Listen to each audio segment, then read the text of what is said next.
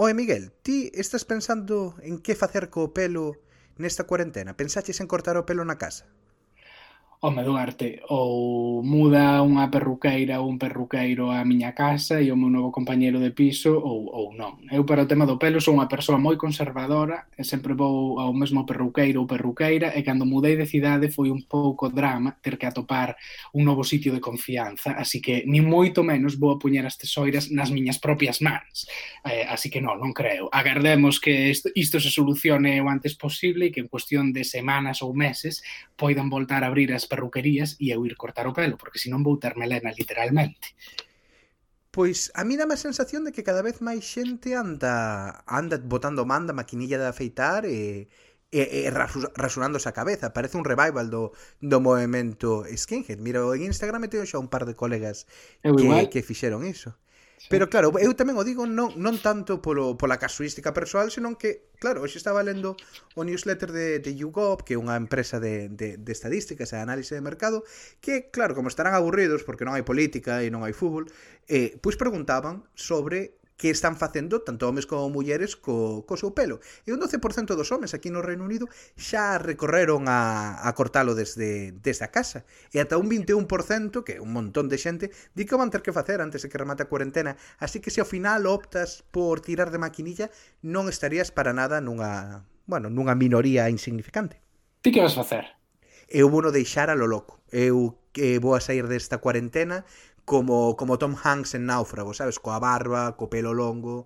Eh, barba eh... tamén, non vas a afeitar nada. No, no, no, no, eh, eu a miña o meu modelo estético vai a ser unha mestura entre Tom Hanks en Náufrago e un talibán.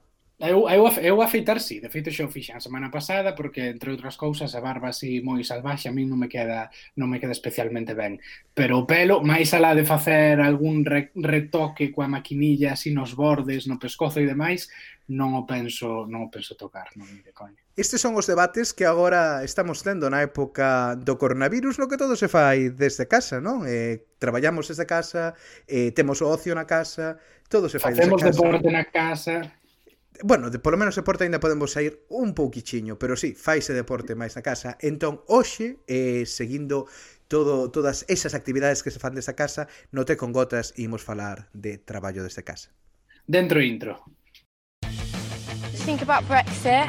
What, what's that? Like? Order! The nose to the left, 432. With the light, with the music, Very welcome everybody here. A Brexit question in English, if you don't mind. Bueno, no, hombre, no lo vamos a hacer. Venga, adelante. ¿Quiere usted hacer el puñetero favor de largarse de aquí y de... No va usted a hacer nada ya. Would you like a cup of tea? Yeah, sure. Go on, have a cup of tea. Thank you, thank you.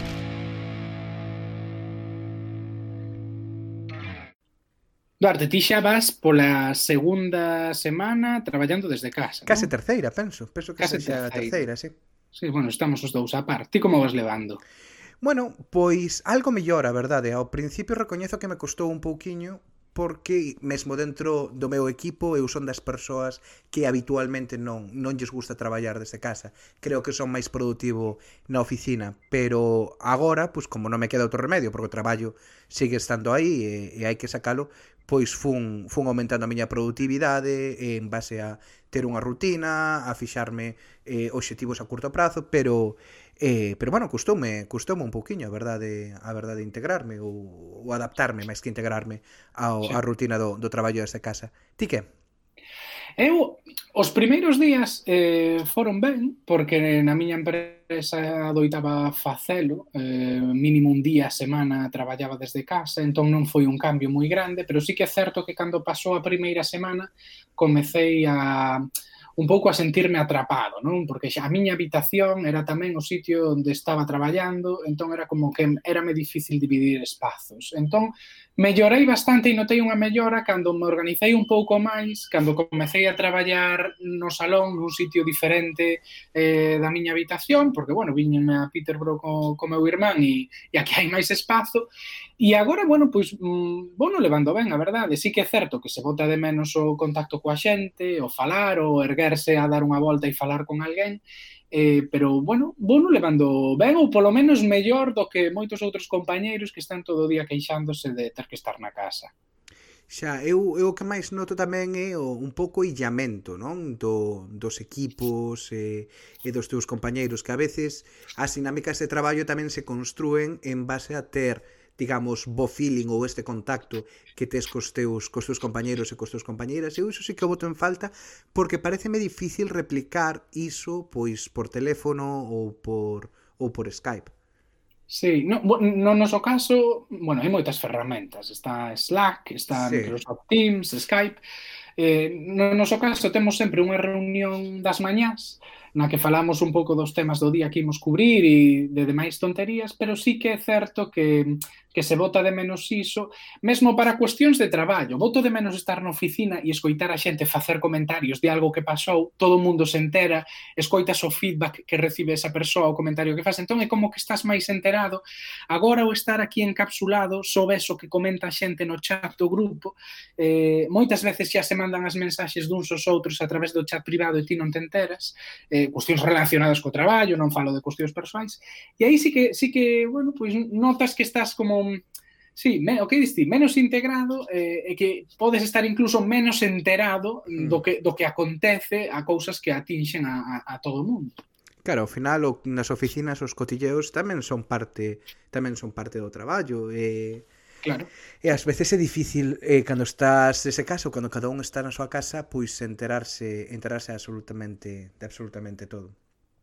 Eu o que máis aprecio eh, a nivel persoal é o o feito de gañar tempo para min mesmo, porque non teño que pasar 40 minutos en transporte público ou indo cara a estación, que é tempo que dedicas a ir a traballar, ir ao teu posto de traballo e que non está remunerado e é tempo que perdes para ti, entón poder ter máis tempo para dormir, para pola mañá pasar diante lendo o xornal mentre tomas o café con máis calma, eu iso sí que aprecio moito. E bueno, tamén notase bastante, especialmente nunha cidade como Londres, o tema do gasto en transporte. Eu estou aforrando bastantes cartos en non ter que coller o, o tren todos os días para ir á oficina. Entón, nese sentido, eu iso sí que, sí que creo que é un punto a favor que, que non ten o feito de ter que ir á oficina todos os días. Pero creo que me gustaría máis ter un balance entre as dúas, non? Pois ir tres días á oficina e dous días traballar desde casa, eu creo que ese sería un, un bo balance. Sí, o que dixo balance é moi interesante, porque unha das cousas que sempre se di é que Bueno, eh, é moi fácil de ver que o, o traballo dese casa axuda a conciliación entre a vida familiar e persoal, sobre todo para xente que ten eh, fillos. Entón, en, si, en situacións normais, pois, por exemplo, no, no traballo, no Telegraph, cando falas con xente que ten fillos e que agradecen moito, pois o poder traballar dese casa, para leválos á escola, para ir a recollelos, para pasar algo máis de tempo con eles. Pero, se tes que traballar todo o día en casa e o teu fillo non vai á escola como está pasando agora, claro. pois eh, sufres porque a túa produtividade está polo chan porque tes ao, tes ao fillo ou a filla na casa. Onte falaba cun compañeiro e preguntaballe que como estás levando isto? Pois fatal. Fatal porque somos dous traballando a tempo completo, temos dous fillos eh, de menos de dous anos que están que están na casa todo o tempo montando follón e non dou non dou feito nada, non? Entón, que sexa absolutamente todo o tempo metido na, na casa en vez de ir á oficina tamén pode ter aí algo de, de contras. Claro, tamén é certo que son unhas circunstancias especiais nas que os nenos están na casa sí. porque non poden ir á escola. En circunstancias normais iso non pasaría, pero bueno, sí, sí que é certo que as rutinas da casa eh, pode ser que, que che condicionen un pouco e fan que a túa productividade baixe, baixe un pelín. Ti, ti estás notando que polo feito de estar na casa perdes máis tempo ou eres menos productivo ou que tes que traballar máis horas porque eres menos efectivo do que serías na oficina. Eu noto que son menos algo menos productivo. De momento non estou facendo moitas máis horas, pero se a produtividade segue sen, se, se non son capaz de aumentar a produtividade, iso implicarános un momento máis horas, claro. Claro. Eu iso sí que o noto, ves? É dicir, mm, estou un, po, un pelín máis relaxado a hora de, durante a xornada laboral, pois o mellor, ler máis eh, noticias eh, que saen, mirar máis o timeline de Twitter, é certo que despois compenso, pois o mellor quedando media hora, 45 minutos mm. máis ou unha hora máis, Eh, pero bueno, como estás na casa e non hai ninguén ao redor, por así dicilo, poñéndote a presión de non podes consultar Twitter tan habitualmente, eu recoñezo que sí que peco diso, ao final o traballo faise, pero tamén eh, a xornada dura máis por culpa de facer iso.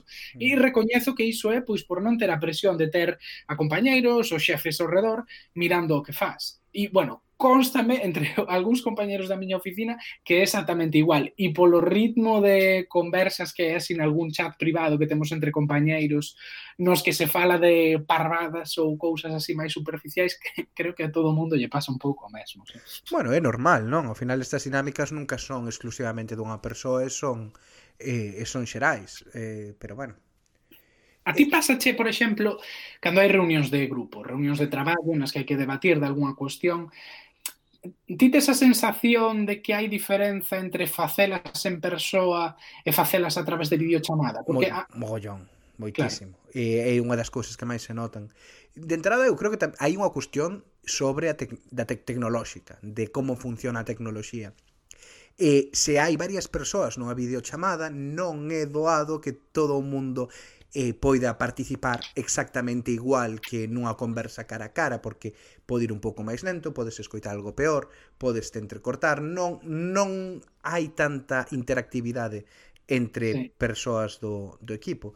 E creo que tamén a xente se corta un pouquiño de querer alongar innecesariamente chamadas que igual unha reunión pois eh, pois estarías máis relaxado e, e, e opinarías máis ou dirías máis cousas.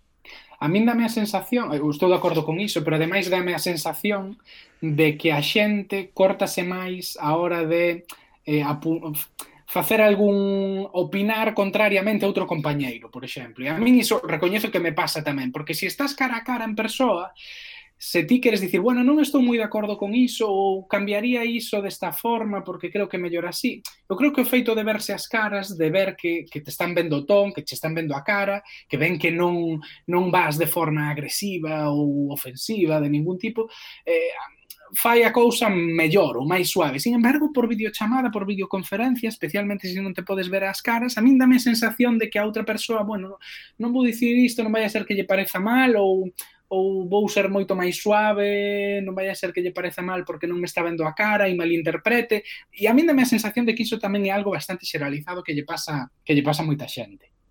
Sí, desde logo, concordo, concordo con iso. Eh, unha preguntiña, vos no, na oficina estades facendo algo, pois, digamos, social ou de construción de equipos como se faría eh, fora ou como se faría na propia oficina? Temos eh, algo novo que temos agora é todos os días ás 4 temos un chat que se chama Tea with Nigel. Nigel é un compañeiro, tipo pois, pues, é la, la hora del té con Nigel e é un dos máis veteranos da empresa. E entón, basicamente, el que ás 4 se pon a tomar o té con as pastas, algo que non fai habitualmente na oficina, pero, bueno, ahora que está na casa, decide facelo. E entón a xente conéctase para falar un pouco de, de parvadas. Comentan asuntos do traballo, pero de forma moito máis distendida. E é, é o único único que temos así feito. Sei que organizaron un, un quiz online, eh, antes facíano presencialmente ali mm. na oficina unha vez ao mes, outro día fixose online, eu non participei, pero ademais diso non. Ah, bueno, sí, hai unha sesión, hai un grupo de xente que facía yoga na oficina e agora teñen unha sesión de yoga online. Entón a monitora fai un, un streaming, un live streaming do da clase de yoga e a xente se conecta aí, pero bueno, tampouco hai hai moito máis que eu entre outras cousas, porque tampouco se pode sair á rúa. Sí que sei de outras empresas, por exemplo, a empresa de meu irmán, que é así unha startup de modernillos, sei que teñen moito traballo desde casa e que a empresa eh, anima os traballadores a participar en actividades deportivas xuntos, en equipos de fútbol xuntos, entón, en circunstancias normais, eh, os traballadores non traballarían na mesma oficina, pero despois do traballo sí que quedarían en algún punto de Londres pois para xogar unha liga de fútbol, de baloncesto, para facer actividades de, de equipo eh, habitualmente, non o típico a típica actividade que se fai unha vez cada tres meses para facer aí unión de equipo, sino algo máis máis frecuente. E sei que iso está promovido pola propia empresa, así que bueno, sí que sería unha forma de por así dicir, dicilo, facer frente a, a ese isolamento non dos traballadores na casa. Claro, é que a min esa é unha das cuestións que máis máis me preocupan se o de traballar na casa se xeraliza, non tanto por un exclusivamente por unha cuestión social, que tamén, que tamén é importante, eu creo, levarse ben cos teus compañeros de traballo. Eu moitas veces faise a broma, non, de, de que os, estes exercicios de entre aspas team building ou construción de equipos son unha chorrada moderna, pero eu valoro, creo que o feito de que sexas capaz de levarte ben coa xente co que traballas, despois acabas reflectindo no traballo que fas, pero sí ten, para min te, pode ter unhas explicacións quizáis máis preocupantes se pensamos, por exemplo, en cousas como a sindicación. E se xa a día de hoxe a afiliación sindical no sector privado e nas oficinas está polo chan e iso que se comparte eh, un espazo común, agora eh, se, se se xeraliza o traballo desde casa, este tipo de relacións, digamos, laborais ou, ou sindicais serían, eh, se non imposibles, moi, moi, moi difíciles. Sí, eu, eu iso aínda levo pouco na empresa, levo cuestión de sete meses, pero sí que o noto, temos un grupo de xente que traballa desde casa permanentemente e, e sí que noto que cando hai reunións sindicais e demais, primeiro, amosan menos interese polo que se debatiu eh, e polo que se falou na, na asamblea do, do sindicato E despois, os que están interesados, notas que teñen máis dificultades e sempre dependen de alguén máis. Oye, podedesme contar que se dixo na asamblea? Non hai, por así dicilo, un directo para os traballadores que están traballando desde a casa e iso mellor é algo que deben mellorar pois os propios sindicatos ou os propios traballadores organizados a hora de, de reunirse, ter en conta que hai xente que é asalariada da empresa pero non está físicamente na oficina e que debería haber mecanismos para que participasen nas reunións.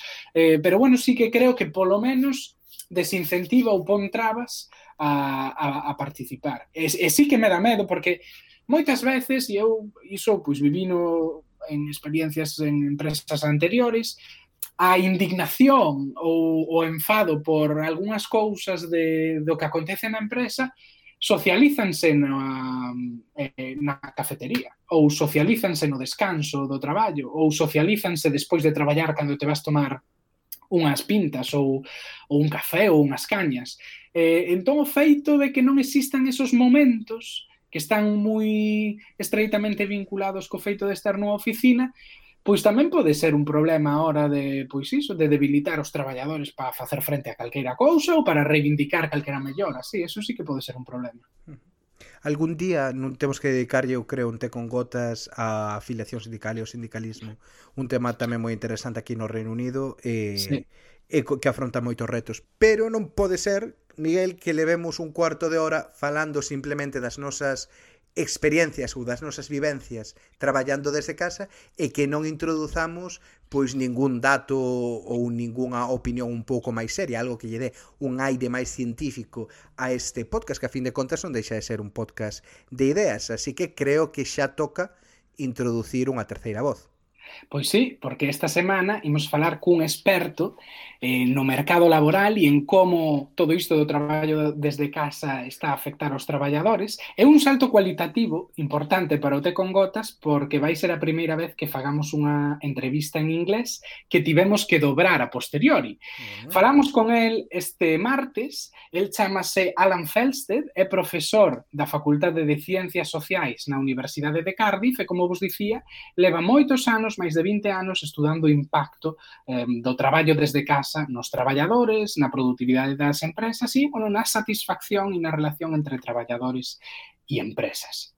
Isto foi o que nos contou Alan este martes. Alan, pois coa crise do coronavirus o que estamos a ver é que milleiros de persoas, non só no Reino Unido, sino no resto do mundo, están tendo que traballar desde casa. Ti pensas que isto vai ser un punto de inflexión a hora de eh, promover ou facer algo máis común o, o traballo desde casa no futuro, pensas que os traballadores van a estar máis interesados en traballar desde as súas casas en lugar de desde as oficinas e que as empresas van ser máis flexibles a hora de, bueno, pois acceder a que os seus traballadores non vayan á oficina e traballen desde casa?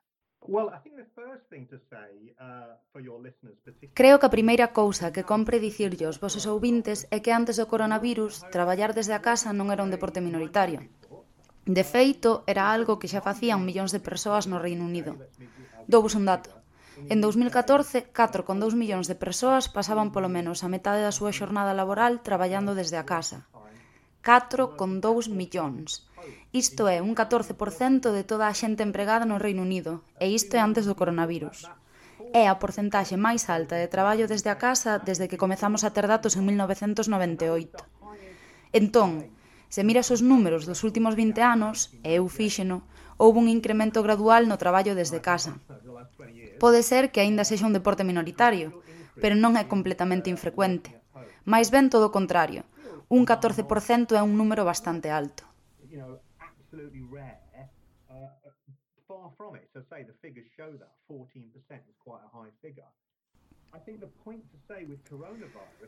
A cuestión do coronavirus é que o primeiro ministro Boris Johnson nos dixo que temos que traballar desde a casa sempre que poidamos. E claro, moita máis xente, quizáis moitos millóns, agora teñen que traballar desde a casa. Polo tanto, eu pregúntome se este vai ser o momento crucial para o teletraballo e se imos ver un pico nos datos, porque eu mirei a tendencia nos últimos 20 anos e o incremento foi gradual. Se pensamos nunha gráfica, a liña que indica canta xente traballa desde a casa foi medrando pouco a pouco.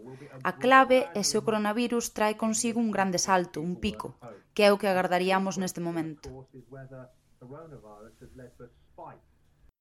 a big jump in that proportion. And you would expect at now, as we speak, uh, that that to be the case. A cuestión fundamental é se esta tendencia continuará despois do coronavirus. Esa é a materia pendente que teremos que investigar. Pero podedes imaginar que agora que a xente saboreou o que é traballar desde a casa poidan querer facer parte do seu traballo fora da oficina. Agora poden usar Skype, poden usar Zoom, poden usar Teams, poden usar todas estas tecnoloxías cas que quizáis non estaban familiarizados e que nestas circunstancias fan parte do seu día a día. É posible que a sigan utilizando despois do coronavirus, aínda que con menos intensidade. Quizáis o tempo que pasen traballando desde a casa sexa só unha parte da xornada. De feito, é aí onde historicamente vimos os maiores incrementos, na xente que fai algún traballo desde a casa, un día a semana ou dous días a semana, non todo o tempo. Aí é onde viamos os cambios a todo agora e eu atreveríame a dicir que é aí onde veremos cambios despois do coronavirus speculate that's where we might see the action after coronavirus. Levas estudando o traballo desde casa e mirando os datos durante os últimos 20 anos. Como cambiou o traballo remoto, o traballo desde casa neste período de tempo? Onde estábamos hai 20 anos e onde estamos agora? Non vos quero bombardear con números, inda que os números conta unha historia, por suposto. Así que permitideme que vos conte unha historia con algúns datos. Se miramos atrás, ao ano 2006, que é cando traballei xunto cuns compañeiros na enquisa de traballo e habilidades, fixamos preguntas sobre a localización do traballo xunto con outros moitos temas. Naquel momento, un 7,5% da xente dicía que traballaba principalmente na casa ou polo menos un día na casa. En 2012 saltou ao 14,8%, en 2017 ao 18,4%. Como podedes ver, houve un incremento gradual durante este período, pero é importante lembrar que hai algunha xente que non pode traballar desa casa. Non podemos esquecer iso. Hai lugares nos que é físicamente imposible o teletraballo, como unha fábrica ou unha tenda. Se traballas nunha cadea de produción, non podes levar a cadea de produción ao salón, ou si, sí, pero sí que podes levar o portátil do teu traballo de oficina. Entón, é importante lembrar que hai límites e que hai xente que ten fixación espacial, como lle chamo, um, é dicir, que están fixados a un determinado lugar. Pero se miramos os datos, esa xente que sempre traballa no mesmo sitio e que ten que ir todos os días, que nunca traballa nin na casa, nin no tren, nin no bus, nin no avión, nin en ningún destes sitios nos que cada vez vemos traballar a máis xente, a proporción que representa esta xente baixou desde un 61,7% en 2006 a un 49,5%. Entón, o traballo estáse desligando dun sitio fixo, pero aínda hai unha metade da poboación que non pode facer o seu traballo fora da fábrica ou da tenda. Cando se fala desde traballo desde casa, eu creo que hai unha, unha idea moi extendida de que beneficia tanto a traballadores como a empresas. Ti estás de acordo con, con esta visión ou pensas que non é non é un win-win para as dúas partes, como adoita dicirse? Esa é unha moi boa pregunta. É un win-win. Vayamos por partes. Habitualmente dice que desde o punto de vista dos empresarios, o de traballar desde a casa é como darlle carta branca aos lacazáns. Non ves aos traballadores, non sabes o que están facendo, están relaxadas, poden estar vendo a tele, están cos pés na mesa, non están traballando como deberan, Ese é o tipo de preocupacións que os xefes teñen cando renuncian ao control de non ver ás súas traballadoras. Entón, a cuestión é, que evidencias temos disto? E aquí é onde entra a enquisa de traballo e habilidades da que falei antes. Os datos amosan que isto non é real. De feito, é habitual que a xente que traballa desde a casa traballe máis horas fora da súa xornada laboral e unha parte moi importante di que fai esforzos extra. Entón, Desde o punto de vista dun empresario, non hai evidencias que suxiran co traballo desde a casa e darlle carta branca aos lacazáns, senón que a xente traballa máis horas, que se esforzan máis e que traballan de xeito máis intensivo, xa que teñen menos interrupcións que na oficina. Entón, Desde o punto de vista dun empresario, parece que ten máis pros que contras. E desde o punto de vista dunha traballadora? Pois neste caso non é tan branco ou negro. É verdade que cando se traballa desde a casa, as empregadas son máis entusiastas a respecto ao seu traballo e están máis comprometidas coa organización para a que traballan. Estes son os pros para as traballadoras, non? Son máis entusiastas, están máis contentas co traballo. Que hai de malo niso? Pois hai algo malo e é algo que seguramente a xente note máis agora durante a crise do coronavirus. Falo da dificultade de conciliar a vida laboral e familiar. Separar estas dúas personalidades é moito máis difícil cando todo ten lugar no mesmo sitio. Cando vives e traballas no mesmo espazo, é difícil lidiar con conflitos que suceden de xeito inevitable, como por exemplo se tes crianzas, e isto é algo que a xente está descubrindo na crise do coronavirus, onde teñen que traballar desde a casa e ao mesmo tempo coidar delas. E isto causa conflitos no traballo e na vida familiar. Tamén hai máis evidencias de que a xente se preocupa máis polo traballo unha vez remata a súa xornada. E unha vez máis, Isto pasa porque é máis difícil establecer límites ou liñas divisorias entre estas dúas partes da vida. Se saes da casa para traballar, estás indo a outro lugar e estás separando o traballo da túa vida no fogar. Se faz todo no mesmo sitio, é moito máis difícil manter estas fronteiras porque a nivel práctico non existen.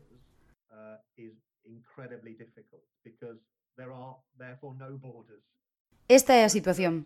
Hai pros para os empresarios e hai evidencias para dicir isto, hai pros para os traballadores, pero están marcados por algunhas dificultades tamén, sobre todo a respecto de separar a vida no fogar e a vida no traballo.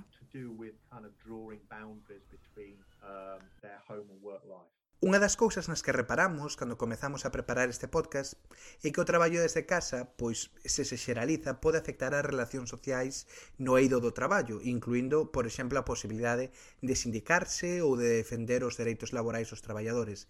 Crees que este traballo remoto ou desde a casa presenta un reto neste sentido, a respecto das relacións sociais do traballo? Iso é verdade. O gran problema co teletraballo ten que ver co illamento, sentirse distante, non facer parte dunha comunidade. E aquí entran cousas como ser membro dun sindicato, ser membro dun colectivo ou dunha entidade colectiva no traballo. Tamén hai risco de perder oportunidades, como aprender a facer un traballo. Habitualmente, a xente aprende na oficina, por exemplo, para manexar un determinado programa do ordenador, miras como fai alguén que se senta ao teu lado, ou como xestionan as súas tarefas, ou mesmo escoitar como atenden o teléfono. Traballando desde a casa, hai cousas que un perde, e isto non se pode obviar. É difícil, ou mesmo imposible, suplilas con métodos indivi individuais como esta conversa de Skype que estamos tendo. Antes do coronavirus, a situación ideal era ter o mellor dos dous mundos traballar algo desde a casa, pero tamén ir á oficina, para non perder ese compañeirismo de ser parte dun colectivo ou mesmo para ter visibilidade. Non perder a oportunidade de que a túa xefa te vexa e que poidas aspirar a un determinado ascenso. Tamén está esa cháchara que hai na oficina que axuda a coñecer aos compañeiros ou a involucrarse en distintos proxectos. Entón, traballando desde a casa, pérdese todo iso. Non é unha situación ideal. Estámolo facendo agora porque o temos que facer pero o ideal é ter un pouco dos dous mundos. E iso é o que amosan os datos, que é beneficioso traballar algo de tempo desde a casa, pero non todo o tempo, porque hai cousas que perdes. E xa como última pregunta, Alan, como persoa que leva tantos anos analizando o impacto mm, do traballo desde casa, cal é o teu pronóstico para o futuro? Pensas que, que vai a dispararse eh, a proporción de xente que traballa desde casa ou que vai ser un aumento Mm, máis moderado ou, ou que non vai aumentar en absoluto? Ah, desde logo que creo que vai haber un gran crecemento. Non teño ningún dato de momento porque estamos no medio da crise, pero sí que é de esperar que haxa unha gran suba do traballo desde a casa, do mesmo xeito que xa hai un pico de desemprego. E isto é así polas directrices do primeiro ministro de traballar desde a casa se se pode. E moita xente pode, esa é a clave. Eu agardo que despois do coronavirus moita xente volva á súa rutina habitual, sexa que for, pero só até certo punto. Sí que creo que vai haber algún efecto residual e que ese gráfico do que falaba antes, do crecemento moderado nos últimos 20 anos, vai amosar un pico, logo unha caída, pero que quedaremos noutro nivel, Eu creo que estamos nun momento clave no que a xente verá os beneficios de traballar desde a casa, que poden pasar algo do seu tempo fora da oficina usando Skype, Zoom ou outra ferramenta, particularmente cando se teñen que centrar en proxectos que requiran máis concentración. Pero de ningún xeito imos quedar todas traballando desde a casa logo do coronavirus. É posible que todas apuremos a recuperar esa interacción social, polo que xa expliquei do sentido de compañeirismo, para ter visibilidade na oficina ou porque é importante aprender doutras. Todos eses beneficios que ten a interacción social que non pode suplir só con Skype. Pero creo que o mundo vai ser moi diferente en moitos aspectos despois do coronavirus, e iso inclúe o mundo do traballo. Bueno, Duarte, que che pareceu? Pois moi ben, máis alá do reto enorme que foi facer unha entrevista en inglés e que, como xa dixeches antes, isto é un, un milestone, non? Como den aquí eh, conseguido polo Te con Gotas, pero falando xa máis da, máis da entrevista, pareceume moi moi interesante e curioso o, o crecemento non do traballo dese casa nos últimos 20 anos.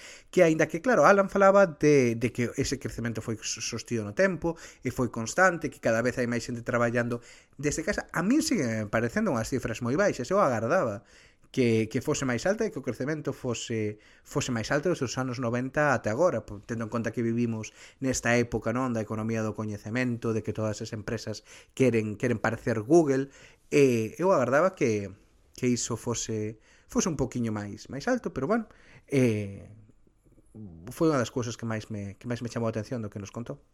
E a ti que? Sí, eu estou de acordo co que dis, eu agardaba porcentaxes máis altas. E, despois chamoume a atención os poucos estudos que, que había sobre isto. Eu creo que o traballo desde casa foi unha cousa un pouco como a choiva fina, non? Que durante os últimos anos, agora se miramos cara atrás, si que, si que foi convertíndose en algo moito máis presente na, na nosa vida laboral, pero que ninguén realmente reparou no cambio real que houbera, ata o punto de ter infraestructura disponible para que millóns de persoas hoxendía poidan eh, facer o traballo que fan nas oficinas desde casa como, como estamos facendo agora, a pesar de que eu creo que bueno, moitas empresas, sobre todo na administración, eh, non estaban preparadas para, para unha experiencia deste estilo e polo que me chega de amigos e familiares que traballan en, en Galiza, eh, non, non tiñan infraestructura e foi un pouco repentino todo o que tiveron que preparar nas últimas semanas, algunhas incluso ainda se están adaptando. Pero sí, imagino que a partir de agora haberá moitos máis estudos e que esta experiencia vai ser un bo campo de ensaio para que nas universidades pois estude como de preparados estamos para, para cambiar por completo a nosa forma de traballar e deixar dun lado as oficinas, sino totalmente parcialmente e traballar máis desde a casa. Parece moi interesante o que dis da falta de, de estudos. De feito, cando estábamos preparando este podcast, eu busquei algo a ver que había sobre o impacto ambiental de traballar desde casa, que é algo que a priori podería sí. parecer algo interesante, non? De dicir, sí. bueno, pois moita xente vai traballar desde casa e tal, e iso vai a implicar que haxa menos gastos de transporte, etc, etc. E efectivamente, pois atopei algunhas cousas que non me pareceron moi robustas sobre as vantaxes ambientais de traballar desde casa, pero había unha, unha noticia na BBC que xa estaba algo máis documentada no que dicían, ollo, si pode en algúns casos, en algúns lugares eh, e en algunhas estacións implicar unha reducción pois do, eh, da contaminación, pero eh, pensade que nun sitio como o Reino Unido meter a moita xente na casa co, no inverno co tipo de calefacción, e co tipo de illamentos que hai nas, nas casas, eso é un aumento do, do consumo de calefacción enorme que claro. supera por creces o custe da, de quentar unha oficina que normalmente teñen millores illamentos, que son máis eficientes, etc. E, entón que no verán sí que pode supoñer un impacto moito máis grande, pero no inverno ollo porque iso pode, pode ter efecto contrario. E iso no Reino Unido, xa non entramos nos países nos que cousas como aire acondicionado está eh, hai no en todas as casas. Entón que bueno, sorprendeme que non houvese máis estudios para ver o impacto real eh, en disto e eh, cales son tamén os riscos cos que a priori non contamos cando pensamos en, en traballar dese caso. Pois sí. Bueno, pois ata aquí o noso podcast de hoxe. Agardamos que vos gustase. Se queredes socializar con nós e contarnos as uh, vosas experiencias de traballo desde casa nestas semanas de coronavirus, Podedes facelo, xa sabedes que temos os nosos perfis en Facebook, eh, en Twitter e agora tamén en Instagram. E se queredes facer unha contribución máis e que haxa máis entrevistas con dobraxe eh, maravillas técnicas no futuro, xa sabedes que podedes facervos subscritores do, do noso podcast a través de Patreon. Patreon eh, e, e ali, bueno, pues, tedes catro modalidades de suscripción e se vos facedes socios podedes acceder aos tes en gotas que sacamos cada, cada dúas semanas que son contidos en exclusiva eh, para vos. Así que nada, vémonos en dúas semanas.